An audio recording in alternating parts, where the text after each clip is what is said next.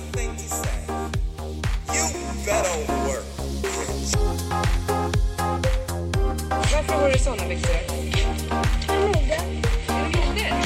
Man kan inte gå till Domus och köpa någon vindsombralla. You can easily buy your way into being fashionable. Style, I think, is in your DNA. tre söta flickorna igen. Och de är under hela den här uppvisningen klädda i svenska kläder. Importen från Paris andra modercenter är stängd, men det går ju bra i alla fall, eller vad säger publiken? Det är svensk produktion i fullkomlig internationell klass.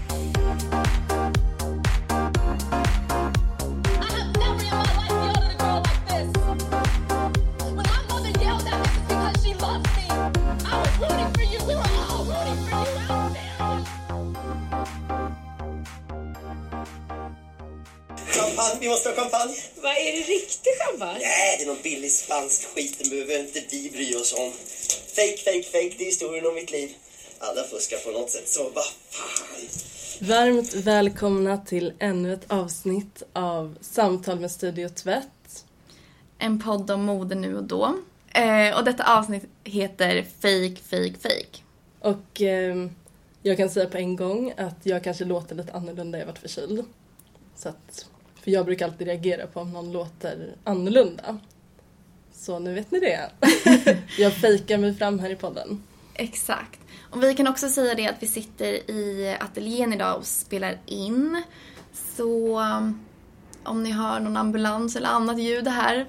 Mycket För- flygplan flyger här också. Ja. Vilket sjukhus är det som är nära här? SÖS. Ja, SÖS. Eh, och sen har vi hunden Udda här idag också ifall ni hör knorrande ljud eller skällande kanske.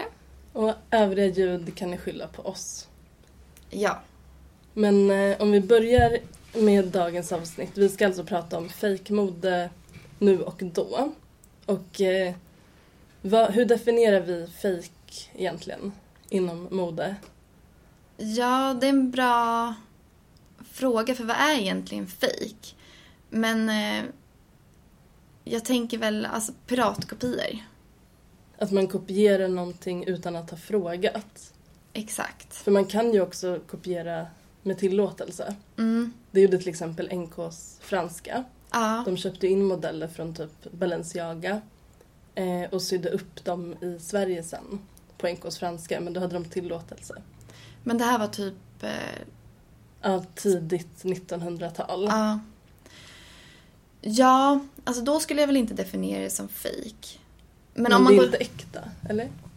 Det är inte sytt i Det är inte originalet. Nej, det är det ju inte. Men det är original eh, licens. Mm. Men eh, om jag tänker på under 90-talet då vi växte upp. Då tänker man ju kanske på kopior som någon köpte på stranden i Mallorca eller från något torg. Ja, pira- riktiga piratkopior. Ja, Och och, som man typ såg var fake För det fanns inte ens, den riktiga varianten fanns inte ens från början. exakt. Och det var ofta inte så superlyxiga eh, kläder. Det kunde ju vara liksom en fake Adidas. Och där har ju nivån kanske höjts en aning. Ja, för det finns ju också fake som är så pass bra att märket själva kan inte se att det är fake. Och är det då fake? Ja. Men sen tänker jag också att fusk är en form av fake. Om man fuskar med vissa saker och lurar folk att det är något annat. Exakt. Man inte vet vad man betalar för. Mm. Ehm, men vi kommer ju gå igenom ett antal nedslag i fake-modehistorien. Ja, vi har gjort ett litet eh, grävande kan man säga. Det är högt och lågt, det är nu och då. Det är allt från maffia till färgerikonsten på medeltiden och så vidare. Yes. Och eh, dagen till ära så har vi också valt att eh, klä oss fake. Ja, eh, och eh, vi brukar ju inte säga till varandra exakt vad vi ska på oss, men vi brukar ju prata om temat. Ehm, och då så sa jag att jag inte hade något fejk hemma. Men när jag väl började gräva så hade jag mer än vad jag trodde. Du har också bott i Kina. Jag har också bott i Kina, ja. Eh, landets fejk, eller vad. Nej, men där finns det mycket piratkopior. Så vad har du på fake-fronten idag med dig? Mm. jag kan börja med lite vad jag har på mig. Mm. Eh, och då är det inte fake vad jag vet. Men jag har på mig ett par eh, typ plastbyxor från Adidas. Eh, där bara halva loggan syns. Eh, vilket också är intressant att många nya kollektioner skapar design som ska se lite fake ut. För de är äkta. De är äkta. Från Adidas butiken. Men sen vet man ju inte, som sagt. Nej, det ska vi komma in på. Exakt. Eh, och sen har jag med mig en klänning som ligger på bordet. Eh, och den köpte jag, jag skulle gissa på att det var 2011. När jag bodde, eh, när jag var i Kina första gången och studerade. Och eh, då såg jag den här klänningen och fastnade för den för att jag tyckte den var fin och tyckte att den... Jag tänkte så här, ja det är väl någon som har gjort något som liknar Hermes typ. Eh, och den är lite rolig för att i loggan i eh, klänningen är klippt. Ehm, och det kan ju vara ett tecken på att den kan ha kommit från deras fabrik. Eller att det ska se ut som att den är kommit från deras fabrik och man har därför klippt i eh, lappen Mm. där det står Hermes. För att man då ska tänka att det här är en riktigt bra eh, kopia. eh, men det var faktiskt inte av den eh, anledningen jag köpte den utan jag tyckte den var väldigt fin. Den är jättefin. Ja, den är väldigt eh, gullig. Jag, blir, den, jag har många minnen i den. Mm. Ska jag gå vidare med min nästa? Du har en väska också eller? Jag har en väska. Och det här är nästan lite pinsamt för jag kan nog ha sagt i yngre dagar till folk att den här var riktig. Fast du visste att det var fejk. Ja. Och jag vet inte om det är för att, eller jag tror, eller jag tror inte att det är för att jag ville låtsas att jag hade råd med märkesväska. Utan mer att jag skämdes att jag hade köpt. Fejkskammen. Ja, fejkskammen. Eh, och det här är då en väska från Stella McCartney. Ja, den här väskan är ju deras signum kan man nästan säga. Nu kommer inte jag ihåg vad den heter, men det är den här med kedjor. Vi kan kanske får höra kedjorna här. Exakt. Ja. Eh, och jag vet att den här blev ju också väldigt stor inom fast fashion. Jag vet att Scorettes har sålt någon liknande väska och så vidare just med de här kedjeinslagen. Eh, men jag kommer ihåg att jag tyckte väldigt mycket om den här väskan. Jag var ju typ kanske 19 eller något sånt. Och, eh, och kunde inte riktigt låta bli när jag såg den här. Och den här är köpt på en fake market i Kina när det fortfarande fanns fake market ska man säga för de är inte lika lätta att hitta längre eftersom att mycket är ju online. Ehm, och jag kunde inte riktigt låta bli. Idag kan man väl lätt se att den är en fake för den är så pass sliten men när den var ny, eh, då kedjan och allt var lite finare så var den en väldigt bra kopia. Den har också en dustbag. Den har också en dustbag vilket jag tycker är väldigt eh, roligt. Och eh, men jag kom hit klädd i alla fake Gucci-produkter jag kunde hitta hemma. Ja, du, ser, du ser lite ut som att du kunde ha hoppat på stranden. Ja. Eh, jag har en, ett bälte från Gucci Otroligt roligt. som inte är äkta då. Det är också lite slitet nu men det här var mitt favorit. Alltså 2015 typ, Ja. när jag bodde i Berlin. Mm. Då var det också lite coolt att ha fake. Mm. Till en viss gräns ska jag säga. Ja, att man typ lekte lite med det. Och jag skulle säga att Mm. den trenden har kommit tillbaka. Det var helt okej att gå runt när jag pluggade mode och ha en fake Dolce Gabbana som var så uppenbart fake. Att det var lite kul fashion statement. Så det här bältet hade jag ofta. Och så drog jag på mig en Gucci-keps som absolut är inget jag någonsin använt offentligt. Det var, min kille köpte den i Albanien för att ha i solen. Och då var det lite kul att köpa en sån här.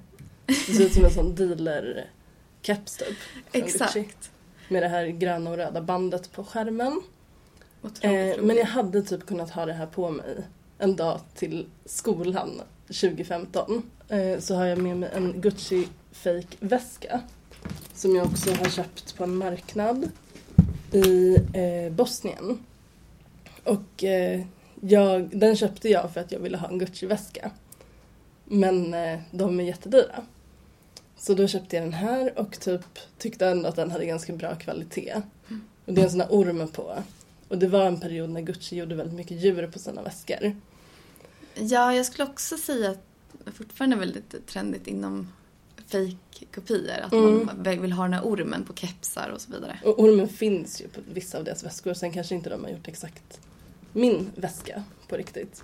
Men det är klart att det syns att den är fake. Den har också blivit lite sliten.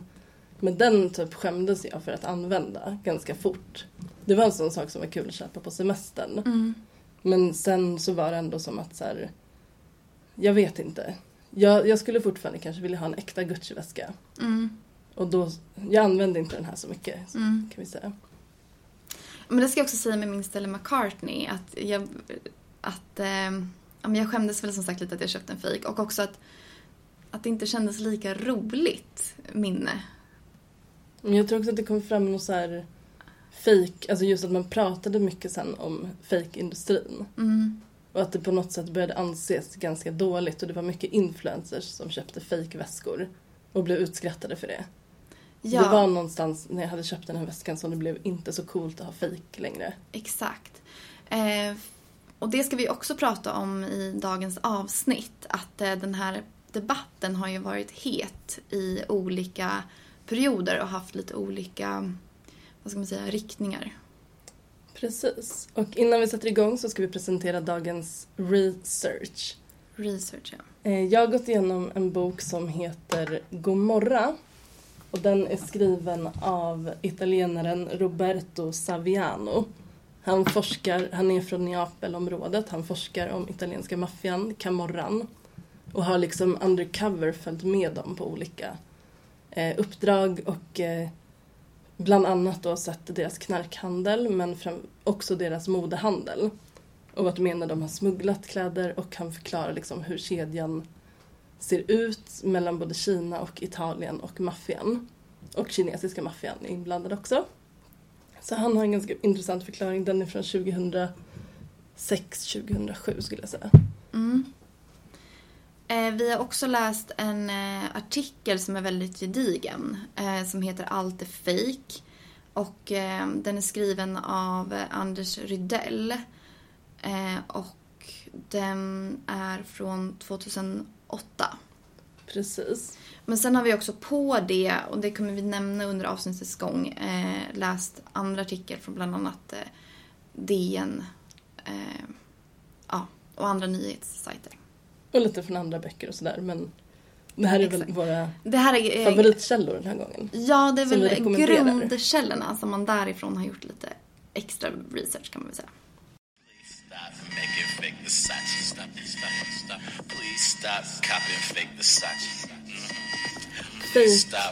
Versace. i modern tid kretsar ju väldigt mycket kring loggan.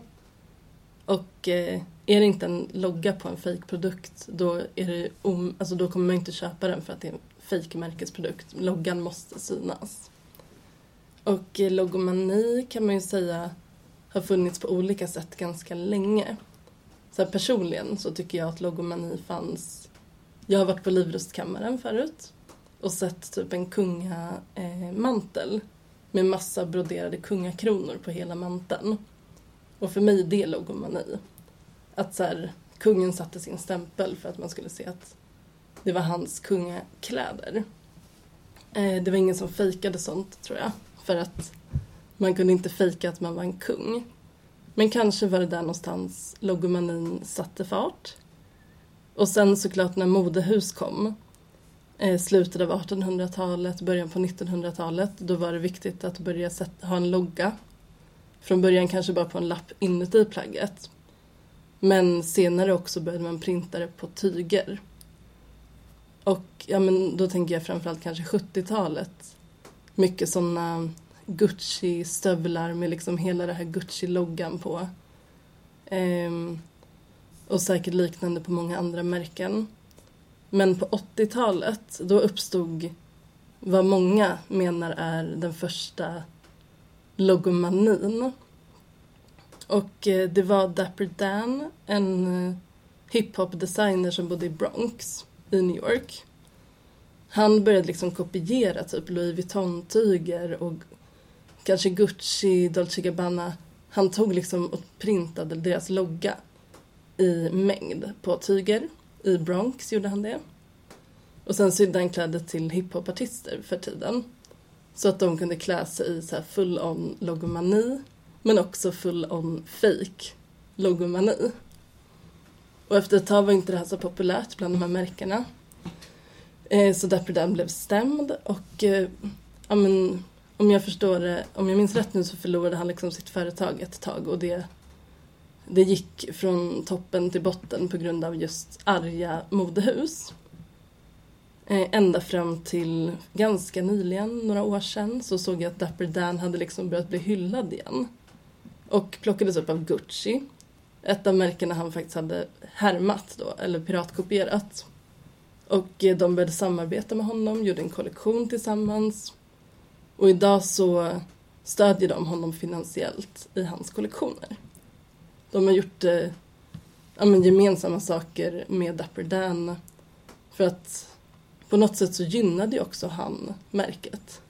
Han spred deras logga. Och eh, fake behöver ju inte alltid vara negativt för varumärkena själva. Nej, det kan vara skitbra för dem. Det blir extra publicitet liksom. Exakt. All PR är bra PR, eller vad är det man brukar säga? Ja, men lite så. Det kommer vi se flera exempel på i den här podden. Att så här, det är inte alltid, det är inte bara negativt för varumärkena att bli piratkopierade. Nej. Eh, och jag tyckte det var intressant där att du gick tillbaka lite i historien med logomanin för att det är många som menar på att logomanin kom under 90-talet. Alltså just med eh, ja, men, loggor på kalsonger, stora t-shirts med tryck på, Calvin Klein exempelvis, eller andra loggor. Eh, men det har ju funnits länge. Och sen är det kanske olika populärt olika tider. Ja, och under 90-talet kanske man kunde börja producera mer mängd. Ja, Dapper tidigare. Dan stod liksom själv och printade typ. Precis. Något skjul i Bronx. Exakt. På 90-talet var det en industri. Ja, ett geni skulle jag säga. Och Sverige. I Sverige fanns det ju någon form av Dapper Dan. Eh, ja, för vi hade ju då också Sveriges eh, svar på Dapper Dan.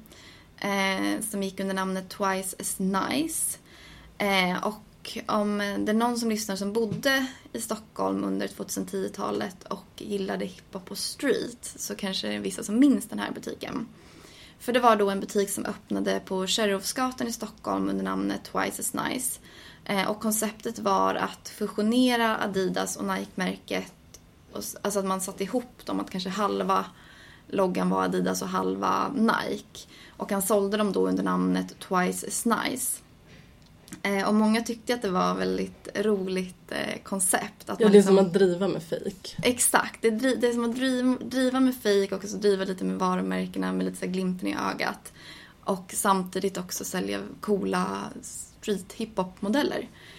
Ehm, men det var ju då inte alla som, som tyckte det här var lika kul. Bland annat då Adidas och Nike.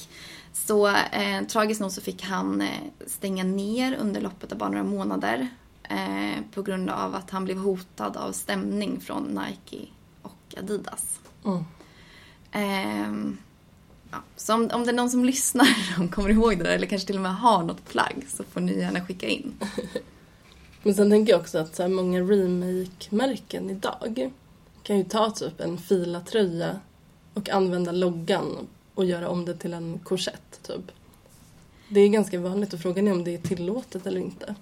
Ja, för i den här eh, forskningen, om man ska säga, så tänkte jag mycket på det att, för det var ju mycket skriverier och debatt, alltså tidigt 2000-tal, kring just det här, eh, ja men hur man får kopiera och så vidare. Men nu känns det lite som att som att det inte finns lika mycket strikt så, speciellt inte med remaken. Nej, jag håller med.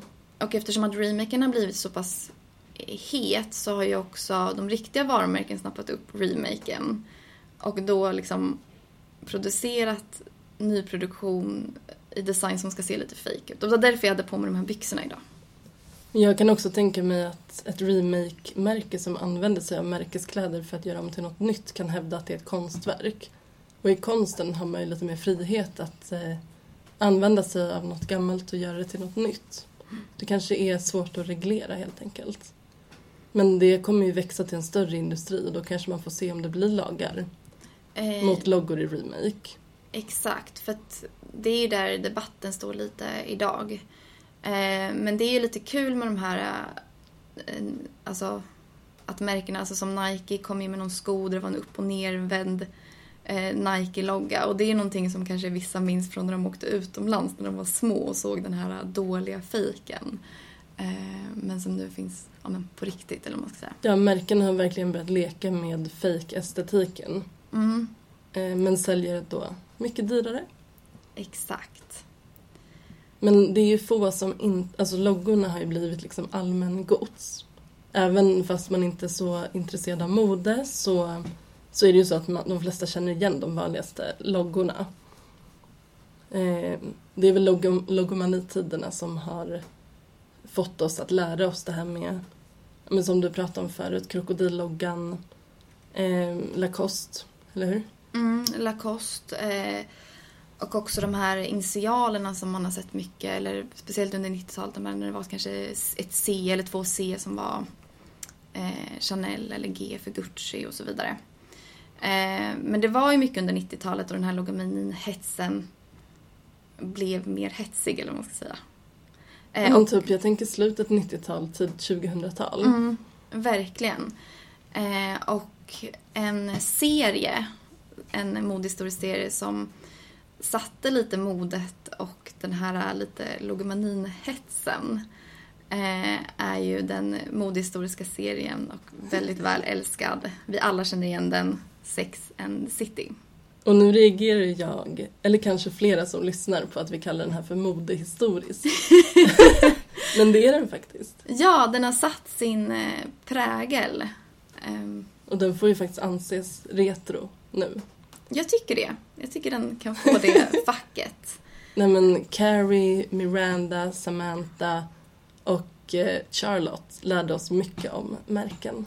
Ja, Manolo Blanc skor, Fendi väskor. Och Jimmy Shoes. Exakt. Det var många avsnitt som handlade om märkesplagg och de verkar ju ha liksom oanade resurser att lägga på shopping. Ja, serien har också blivit väldigt ifrågasatt där. Att, att hon ska vara liksom en liten fattig skrivande skribent men sen ändå ha råd med de kläderna. Eh, och det blev ju också att många som kanske såg sig som henne också ville ha råd men inte hade råd. Och då köpte kopior. Och det finns ju också ett eh, ganska ikoniskt avsnitt när eh, några medlemmar, framförallt Samantha är det väl, får nys om riktigt bra fejkväskor. Ja. Ska vi lyssna på det? Vi lyssnar på det. Shot. Jesus. No, you did. That's like three thousand dollars. Or a hundred fifty. Fake. Oh my God! It, it looks so real. I know. Give me that. You'd never know it wasn't a real Fendi unless you looked inside at the lining. Yeah, I don't have that luxury. All my insides are on the outside now. I don't like fakes. Oh, who cares? All that matters is what it looks like. It's pretty good. It's pretty good. We could go get more. I got the guy's card. He lives somewhere called the Valley. Det är alltså Samantha som har hittat en fejkkran och senare åker ju hela gänget dit och shoppar. Ja, eller inte hela gänget. Hon lyckas få med sig Carrie i alla fall. Det visste jag, för några av dem gillar inte fejk. Nej. Eh, och det är lite kul för att så som de pratar lite om runt när de äter frukostar eller vad de gör är just att det var ju lite mycket snack om gillar man fejk, gillar man inte, är det okej eller inte. Eh, och i det här avsnittet så är det ju Samantha som drar upp en, eh, en guldig baguette Fendi väska. Eh, och, eh, och den ser så himla äkta ut men man kan avslöja att den inte är äkta om man kollar inuti väskan. Och eh, idag så finns det ju många så guider på internet. Om man till exempel har köpt en väska second hand och vill veta om det är en äkta Hermes så kan man kolla på olika detaljer som stygn och insida. Det finns så pass bra fejk idag att det inte alltid går att se. Om man inte kanske går till en äkta Hermes-butik då. Eller liksom kan få fram serienumret och se att det inte är ett äkta serienummer. Men det finns, det finns riktigt bra fejk så insidan är inte alltid safe. Liksom. Nej, eh, på den här tiden så var det ju lite insidan men som sagt kopiorna har ju blivit så pass bra att även insidan är original. Sen ska vi säga att våra väskor som vi tog med oss idag kanske man kan se till och med på utsidan att de är fejk. Eh, ja, de här är ju inte långt ifrån den här tiden heller. Faktiskt. Ehm, men ehm, Ja, och vi pratade lite om den här fake-shamingen och det är det lite Carrie får när hon väl kommer till den här bilen och bakluckan Mm. och överväger om hon faktiskt ska köpa en Fendi-väska eller inte. Oh, there he is. We have found it. Fake Fendi Paradise. We should really work on his display area. Seven for a thousand, huh? You like? I should have liked them. But staring into that trunk, they no longer look like elegant Fendi bags. They just look cheap. And even if everyone else thought it was real, I'd always know my bag came from a cardboard box in a trunk deep in the valley. Fake eh, var ju ingenting som kom med logomanin utan det har funnits länge och då pratar jag om fake i form av fusk. Och eh, alltid i industrier där det är dyra ingredienser eller produkter inblandade så händer det att man fejkar och gör ett billigare alternativ utan att berätta det för sin kund. Och en sån industri som var väldigt fylld av fusk och fejk det var färgeribranschen på medeltiden, säg 1400-talet, så var det som kanske som mest aktivt. Och det berodde på att färgämnen på den här tiden var extremt dyra. Man fick fina färger från bland annat snäckor, eh, löss och eh, olika barker. Eh, men framförallt eh, de här löss, lössen behövde importeras från typ Sydamerika och andra länder till Europa. Vilket gjorde att det blev en ganska dyr historia. Och sen var de väldigt små och de skulle torkas och de skulle mortlas till färg och genomgå en massa processer för att sen kunna ge den här jättefina röda färgen som var populär bland präster och kungar, fint folk. Men färgmästarna som ville tjäna en slant och ta betalt som om det vore kermes, som den här lusen hette. De kunde ju då eh, fejka färgen. De kunde blanda ihop lite växtpulver och lite hit och dit och få till ja, men typ samma röda nyans. Problemet var ju bara att den inte höll lika bra när man väl kanske använde plagget eller tvättade plagget. Så ehm, ja, det förekom mycket fusk. Eh, och det här vet vi för att det finns rättegångsprotokoll sparade från den här tiden angående färgfusk. Och eh, färgarskrået då, som liksom organiserade färgare, såg till att göra regler eh, för att man inte skulle fuska med färger. Bland annat att man märkte stadkanten på tyget med olika trådar för att intyga färgäktheten och det skulle då intygas av liksom en speciell instans eller myndighet. Det här gjorde man bland annat i Venedig som var en stor färgstad. Även i London finns det dokument på att man fuskade med både färgämnen men också med tygets storlek. Man sträckte ut det innan man mätte det åt kunden så att de betalade för mer än de fick. Men alla regler som gjordes upp kring det här och allt fusk gör att jag tror att det är därför ordet färgäkta uppkom. Egentligen var det ganska synd om de här färgerna. De slet, de kände inte så bra och de stank fruktansvärt mycket för att färgämnena på den här tiden gick igenom massa olika processer som var så här jättevidriga och mixades med fruktansvärda andra stinkande bindningsmedel och sådär. Så färgare var ganska ökända för att lukta fruktansvärt illa. Men fuska ska man ju såklart inte göra.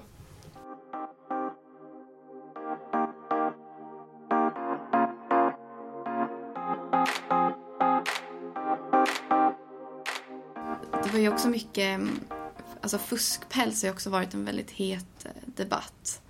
Och förr kunde man kanske inte göra fuskpäls så bra som man kunde idag. Men det ansågs ju väldigt fint att ha riktig fin päls. Och ett tag så ansågs väl det som ett bättre alternativ för att man inte då hade dödat ett djur.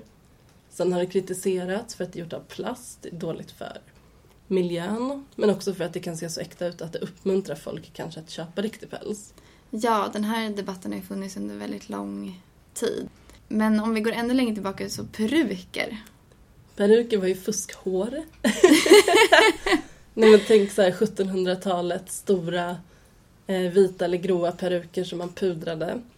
Eh, det var fake, fake, fake. Man, eh, alltså det var ganska uppenbart att det inte var ens riktiga hår. Men det blev liksom trendigt att ha fake hår. I perioder har det också varit trendigt att fejka rumpa, bröst, midja, ben. Allt möjligt har man fejkat genom att stoppa sina kläder med olika kuddar och dra åt här och där. Så fake, fake kroppsdelar är ju absolut ingenting nytt heller. En, ett plagg som, eh, som är väldigt historiskt är ju strumpbyxan. Och det här var ju du lite inne på i vårt första avsnitt. Precis. Ehm, och det var ju så att först så var det ju silkesstrumpan och då var det ju silke som kom från Japan. Eh, men under 30-talet så kom man ju på den härliga teknologin nylon som var fördelaktigt just för att det var stretchigt och de gick inte lika eh, mycket, de gick inte sönder lika lätt. Och i USA så hade man då en jättestor nylonproduktion. Men när efter Pearl Har- Harbor-attacken, när USA gick in i krig mot Japan, så behövde de all nylonproduktion behövdes stå till militären i form av liksom reptält, myggnät och så vidare. Eh, och det här gjorde ju då att kvinnorna saknade sina strumpbyxor. Eh, och de smörjde då därför sina ben i någonting som kallades för silk cream. och det var ju då en färg som, eh, som skulle se ut lite som en strumpbyxa. Eh, och då gick man då och så målade man då ett streck bak. För på den tiden gjordes ju strumpbyxor, de vävdes liksom platt vilket gjorde att det blev en söm bak till. Och man kunde ju, som du också nämnde förstås, till och med gå till salonger och måla till det här strecket. Det är väl kanske inte fejk eller fusk, men det handlar väl ändå... Men just det här att, att det är någon form av status Och att, kunna ha på sig det här. lura någon. Men alltså, det kan vi ju se i så mycket olika material där man kanske förgyller någonting men in, på insidan är det trä. Eh, men framförallt andra världskriget var verkligen en tid just för, för ska man säga ett substitut, låtsas att det var något bättre än det var. Det kan man se också på vilken mat man lagade. Man hade inte så mycket ingredienser och råvaror att välja på. Exakt. Eh, och man lyckades ju liksom ta fram ja, så kallat eh, fake silk, eh, rayon och, men det var ju också väldigt mycket oxider i de här, alltså kemikalier, alltså det var ju inte bra att jobba med helt Nej. enkelt. Eh, så i USA där det var en väldigt stor produktion så såg man ju att det följdes av väldigt mycket sjukdomar. Eh, men vi ska inte glömma bort att det här förekommer igen idag, bara att produktionen har flyttats till tredjehandsländer längre bort. Och nu har det här med syntetiska material blivit så pass vanligt att man inte kallar det fejk överhuvudtaget längre utan det är snarare att man reagerar på ifall någonting är bara bomull eller bara ull. Men standard för i alla fall fast fashion är ju att det är ett syntetiskt fake material som egentligen ska efterlikna ett naturmaterial då.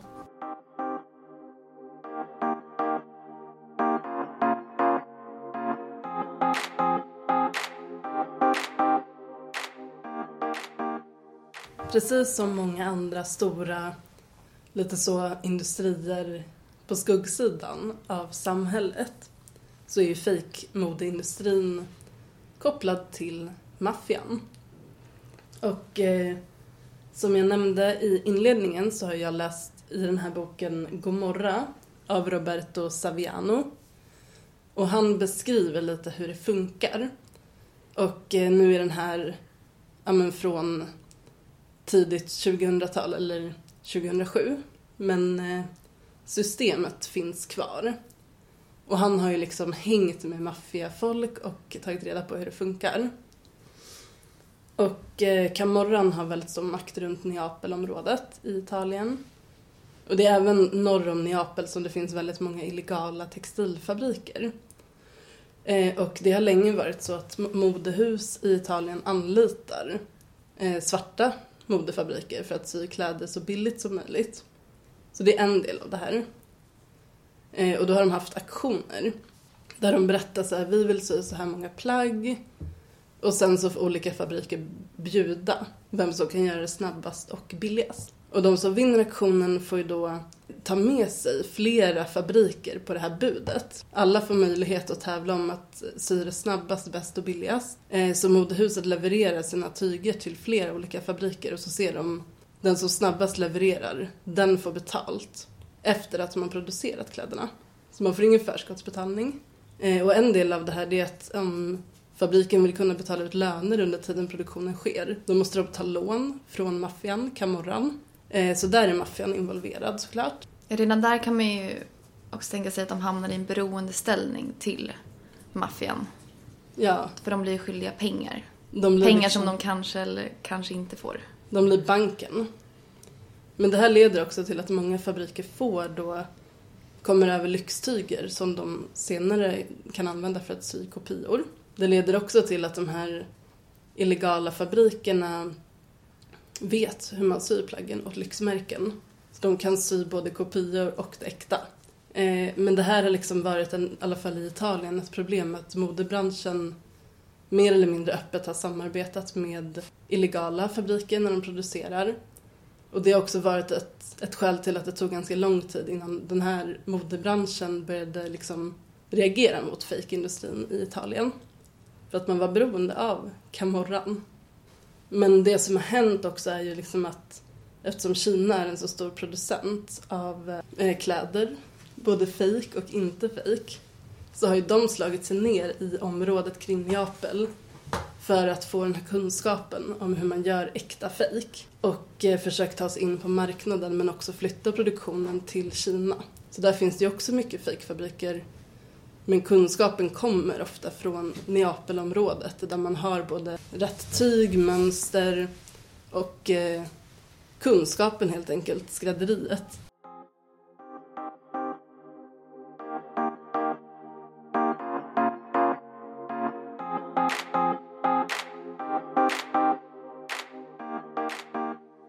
Den här piratkopieringen är ju väldigt komplex och sker på många olika sätt och på många olika håll. Och eh, det sker också mycket import från just då Kina till Neapel av piratkopior.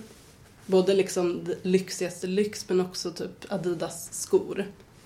Eh, och allting sker såklart under regi av Camorran. Det finns eh, siffror på att piratkopior då av mode har börjat bli lönsammare än knark för maffian. Och dessutom är det ju mycket lägre straff. Så det är liksom mycket mer värt att tillverka eller smuggla fake piratkopior av mode än att smuggla knark. Ja, exakt. Och eh, man, ska, man ska säga också att det kommer jättemycket piratimport till andra delar av Europa också. Men Italien är en av de största. Och eh, ett, som ett exempel så 2016 så beslagtog man 18 miljoner piratkopior. Och i just det här fallet så var det maffian Camorran som låg bakom. Och det ska också läggas till det att mycket av de här landar ju också i lyxvaruhusen. Där man kanske blandar äkta med fake. Och det är också så att Camorran själva driver eh, märkesbutiker och outlets i hela världen. Eh, där de säljer sina väldigt, väldigt bra kopior. Så att eh, det kan vara att de säljer det här också i shopping malls i USA. Där ingen har någon aning, kanske inte ens inköparen vet att det är fejk från början. Det som jag tycker är intressant i den här boken, det är menar, att eh, författaren då, han nämner en skräddare som han träffar i Neapelområdet, en italienare som heter Pascal. Som är typ Italiens bästa skräddare, han är så duktig. Och han jobbar på en sån här svart eh, fabrik eh, i regi av Camorran. Han får beställningar från lyxvarumärken. Och då får han liksom tyget, han får måtten och vilken modell det ska vara och sådär. Och så hade han fått en beställning på en vit eh, dräkt. Som skulle till en specialkund i USA fick han veta. Eh, så Pascal har ägnat mycket tid och mycket av sin skicklighet till att sy en fantastisk dräkt som sen har skickats till USA. Och eh, senare när han tittar på TV så är det ett event från Hollywood med röda mattan. Och då ser han Angelina Jolie i den här dräkten. Men han, ingen kommer ju någonsin veta att han sydde dräkten åt Christina Aguilera. Nej, han- Angelina Jolie. Ja, varför säger jag Christina Aguilera? Jag vet inte. Hon vet absolut inte. Hon tror väl att det har sytts i liksom märkets egen ateljé till exempel. Men så är alltså inte fallet och han blir ganska upprörd över sin sits, hur han är så himla duktig men ändå inte får någon cred. Och han är också anställd för att just göra infofilmer. Så han, de filmar när han klipper till och gör mönster till så här, eh, coutureplagg. För att eh, kinesiska fabriksarbetare ska lära sig hur han gör. Så han har liksom, han har också gått över till kinesiska maffian med att föra över kunskaper till dem.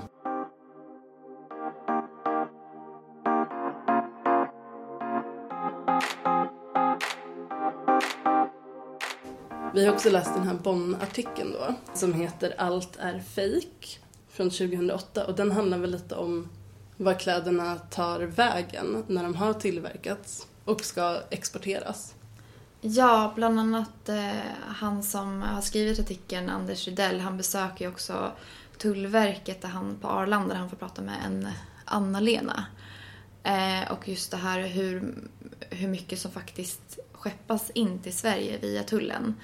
Eh, och som ett exempel så beslagstog 1,2 miljoner piratkopior inom de senaste sex månaderna, beskrev Anna-Lena i den här artikeln och det här var ju 2008.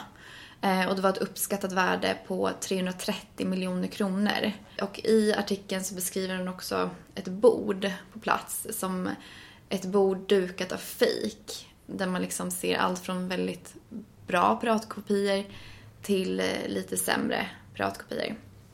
Ett exempel är ett par Timberland boots med eh, Gucci-mönster. Ehm, det här är som sagt 2008, så idag kanske man mer skulle se det som ett samarbete. Idag hade man nog kunnat göra dem på riktigt. Men Anna-Lena då, väldigt engagerad tulltjänstekvinna. Hon ser till att eh, sakerna förstörs och eldas upp. Och man kan också säga det att piratkopiorna går ju lite i mode. För hon beskriver att för några år sedan så var det mer sportmode. Alltså tidigt 2000-tal. Ehm, och nu så började det komma in allt mer Rolex, Louis Vuitton och Gucci. Och om man tittar på en 2023 topplista på de mest populära eller vanliga piratkopiorna så är det Gucci-väskor, Chanel-parfym, Louis Vuitton bags, Burberry, Ray-Bans. Ray-Bans tyckte jag var roligt för det, det tyckte jag var lite såhär 2011. Men, och sen kommer vi också till mycket elektronik som till exempel Apple AirPods, Rolex, Cartier, Hermes bags och Tiffany Company Jewelry. Så det är de som toppar bland märkena. Så ser ni något från det märket så ska ni ifrågasätta om det faktiskt är äkta. Ja, och i väskor så är det ju ofta de mest klassiska bagsen som piratkopieras.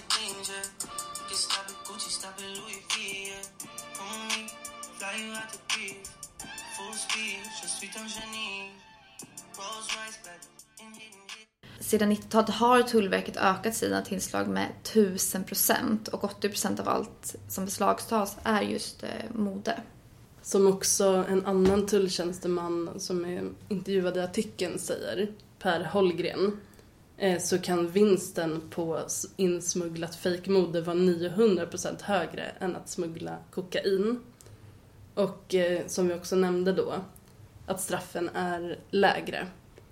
Ja, och det är också lättare att komma undan med den här... Det är svårt att uppskatta exakta siffror på hur mycket som eh, tas in i Sverige eller Europa just för att man, man är mer intresserad av att ja, men, ta, ta fast knark. Knark och vapen och liknande. Exakt, därför beslagtas inte lika mycket eh, ja, men, piratkopior som kommer igenom helt enkelt. Nej, de kan liksom inte titta igenom, de har inte resurser att kolla igenom varenda box med kläder som kommer in i landet. Ja, och sen är det också så att Tullverket, det de kan göra är att beslagta det och elda upp det, men de har inte liksom mandat att göra en förundersökning. Och polisen har ju inte det här som prioritet på sitt bord. Men också i den här artikeln så beskriver de att i Sverige stoppar endast, stoppas det endast någon procent. Men det här var ju som sagt några år sedan. Men ifall privatmarknaden piratmarknaden var så pass stor då så kan man ju bara tänka sig nu. Och jag tycker det är lite kul också eh, för att smuggling av mode och textil har ju skett i alla tider. Om vi går tillbaka till 1700-talet så var det väldigt mycket överflödsförordningar kallades det och det var liksom lagar om vilka typer av textilier man fick använda, eh, också enligt en samhällsklass som man tillhörde. Och det var också för att stoppa export från utlandet utan man ville, man ville tillverka inhemskt i landet. Men det skedde väldigt mycket smuggling på den tiden ändå, just för att man kunde inte kolla varenda låda i varenda skepp. Och man, hade, man var kreativ och gömde tyget under andra saker. Och dessutom så blev ju tulltjänstemän mutade för att man skulle kunna få in sina fina sidentyger. Men tull, den svenska tullen eh, idag, de säger så här att piratkopior är ju ett brott mot eh, eh, mönsterrätten, eller patentet. Och eh, att eh, piratkopiera är att göra immaterials in, rättsintrång. Så det är olagligt. Men att själv köpa en kopia är liksom inte olagligt i sig. Men Tullverket är ju såklart emot det och de tycker också att det leder till en snedvriden konkurrens och att det förstör för företagen. Ja, för det är ju också mycket pengar som, som kunde ha gått till modeindustrin. Men främst också att, menar, att det är en maffia och organiserade ligor som ligger bakom det här idag. Så man vet ju inte vad man faktiskt stöttar. Och vi har ju också märkt i vår research att det går i vågor hur mycket man pratar om fake-mode och problematiserar det. Och runt den här tiden, ja men lite före 2010, så var det väldigt mycket skrivet om det. Böcker, artiklar, allt möjligt, eh, forskning. Sen har det varit lite tyst om det, kanske fram till ja men nu, nutid. Ja, nu har ju debatten blossats upp mer just för att piratkopiorna har blivit så pass bra idag att de hotar de stora modehusen allt mer. Så att det är liksom lite först nu de reagerar. Och det är väldigt svårt att få stopp på det här för att det är ju inte så, så som i Sex and the City att man går till en valley i en bil och kanske köper eh, ur en luck, billucka. Utan att det finns online. Ja, idag så är det ju bara att klicka hem en jättebra kopia. Nej, men jag tänkte också på det här med att eh, de här stora fast fashion eller ultra fast fashion kedjorna som har ploppat upp på sistone. De har ju blivit sådana som kopierar både från modehus och eh, från typ små konstnärer. Så att eh, är det en student på Konstfack som har visat något då kan ju det dyka upp på Shein en vecka efteråt för de är väldigt snabba också på att producera. Ja, för det är ju då representanter som åker till olika mässor och tar upp prover för piratkopiering och ibland då i vissa fall så kommer de faktiskt ut före originalet. Men om vi kollar på hur mycket fejkindustrin faktiskt eh, omsätter, vilket är väldigt chockerande siffror och det här är faktiskt siffror tagna från 2022, eh, så omsätter då fejkindustrin 500 miljarder dollar per år. Och det beräknas stiga upp till 2 biljoner dollar de närmsta två decennium. Så det är ju det är inte små summor vi snackar om. Nej.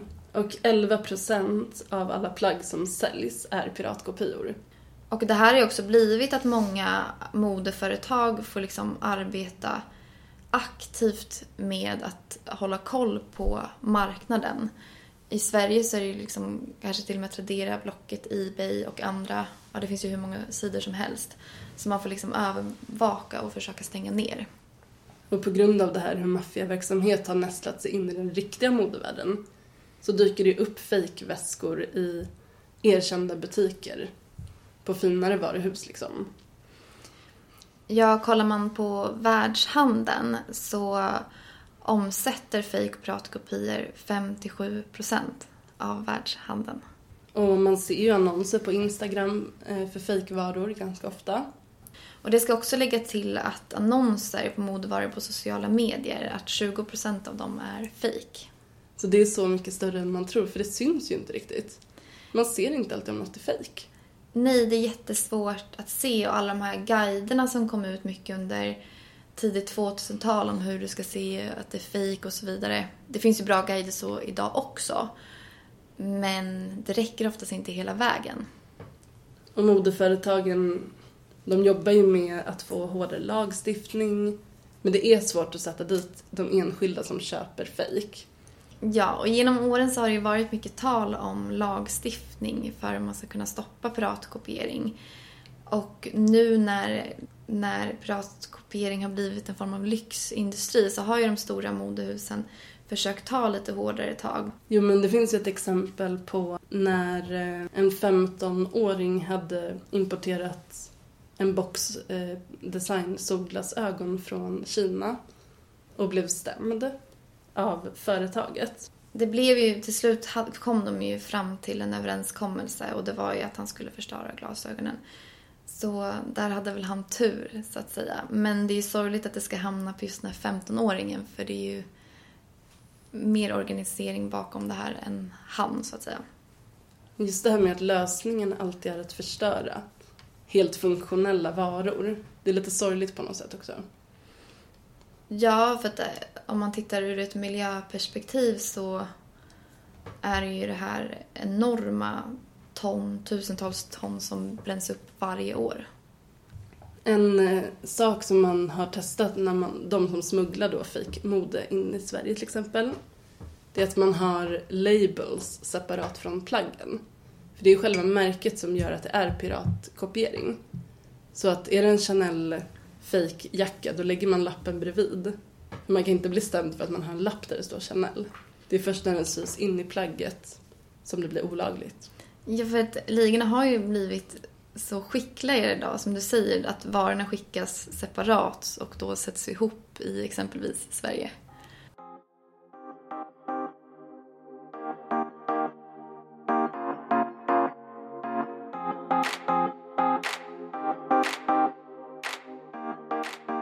Men det vi kan se genom den här lilla fake-historien det är att eh, ibland kan fake vara till nytta för modehusen. Kan ge dem lite PR. Att eh, modehusen ibland skapar designs som ska se fake ut för att det är ett, en ny estetik som finns. Men också, och också att piratkopior har mer eller mindre eskalerat med sociala medier och eh, organiserade ligor. Att det är mer lättillgängligt helt enkelt. Vilket gör att designers tappar kontrollen. Och eh, kanske kommer det vara så om man ska se vad märkena kommer göra framöver. Eh, så har vi funderat över om att flytta produktionen mer lokalt igen. Det skulle kunna liksom göra så att de får tillbaka kontrollen. Ja, för att, att produktionen är längre bort, ja, men, som du säger, gör att de tappar kontroll. Två exempel är Adidas och Nike som har byggt upp egna fabriker. Nu vet inte jag om det är för kontroller av andra effektivitetsanledningar, men det är ju att, att vi, det känns som att vi är på väg mer ditåt. Det kan vara så. Och sen har vi ny teknik, AI, som kommer allt mer och mer. Ja, för där har man ju börjat med, kolla om man, eller om man redan har börjat med scanna varorna. Och då man kanske i skanningen ser någon speciell märkning och det då är ett bevis på att det är äkta. Jag tänker också att AI kan gynna fejkindustrin.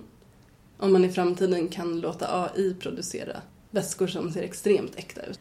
Eller 3D-printa kanske. Men jag tror helt enkelt att man har låtit det här gå för långt och modeindustrin har liksom inte pushat på tillräckligt för hårdare lagstiftningar. För att de ibland själva har varit inblandade i det här på olika ljusskygga sätt. Exakt, och att det nu är svårt att kontrollera.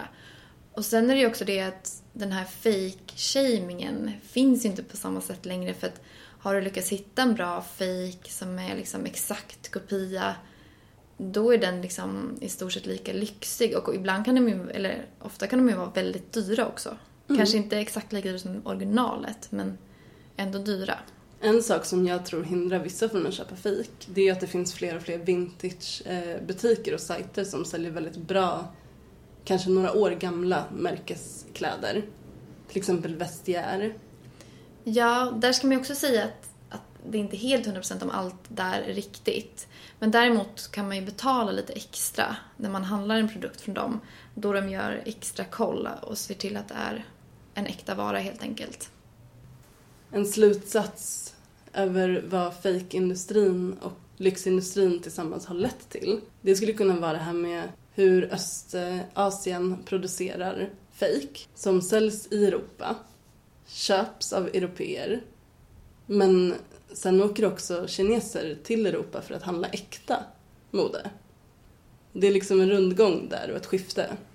Ja, verkligen. Det är faktiskt väldigt intressant. För som du säger, ja, de kommer ju hit och står och kör utanför Louis Vuitton för att köpa äkta. Medan vi sitter online och försöker hitta en bra kopia. Men eh, anledningen till varför man inte då ska handla piratkopior är väl just det att man vet inte vart pengarna går, vad man stöttar. Och man vet heller inte hur fabrikernas förhållandena ser ut. Det kan man ju inte veta helt säkert när det är äkta heller. Men där har de ju ändå ofta väldigt hård... Eller de granskas ju på ett annat sätt. Medan fejkindustrin, om, om det stängs ner en fabrik, vilket det ibland gör, då öppnas det ju bara upp någon annanstans. Och det är fabriker som inte ens finns på pappret och deras anställda är inte anställda på papper. Så de ska vara glada om de ens får lön. Men sen kan man också skita i märken totalt och bara skippa köpa märkeskläder. Vem bryr sig? Ja, och jag tror också att, att det här kan vara en anledning till varför lite äldre mode är så att- attraktiva på second hand-marknaden just för att man inte helt enkelt litar riktigt på det som nyproduceras idag. Nej, det är sant. Om man hittar en Gucci-väska från 40-talet, då tror man ju inte att den är fejk. Och sen har jag också, eller en annan grej som jag läste var också att eh, modeföretagen har fått problem för att de har fått problem med att ifall en person kanske, låt säga, köper en Chanel-väska i deras butik, det är en äkta väska, men så håller inte kvaliteten att de, det kanske krävs en reklamation, för det kan du ju göra med vilken vara som helst. Och då blir de ibland anklagade för om den här är fejk eller riktig. Och att då anser konsumenten att så här, men då kan jag väl lika gärna köpa fejk. Så det gör också att konsumenten ställer högre krav på varumärken. Krav som i stort sett är omöjliga. Fejk, fejk, fejk. Fejk, fejk, fejk. Det är historien om mode. Verkligen. Tack för att ni har eh, lyssnat. Tack så jättemycket. Nu ska vi dra till Malmö. Du ska ju dit. Mm, Och jag ska till Tallinn. Men vi ses om två veckor. det gör vi. Ha det fint. Hej då och glöm inte att följa oss på Instagram, studie tvatt där du får se bilder från det vi har pratat om idag. Ja, och prenumerera på vår podd. Hej hej! Hej, hej! Varför har du såna byxor? Mode. Är det mode? Man kan inte gå till Domus och köpa någon Vinson-brallor. You can easily buy your way into being fashionable. Style, I think, is in your DNA. Tre söta flickorna igen. Och de är under hela den här uppvisningen klädda i svenska kläder. Importen från Paris andra modecentra är stängd, men det går ju bra i alla fall, eller vad säger publiken? Det är svensk produktion i fullkomlig internationell klass.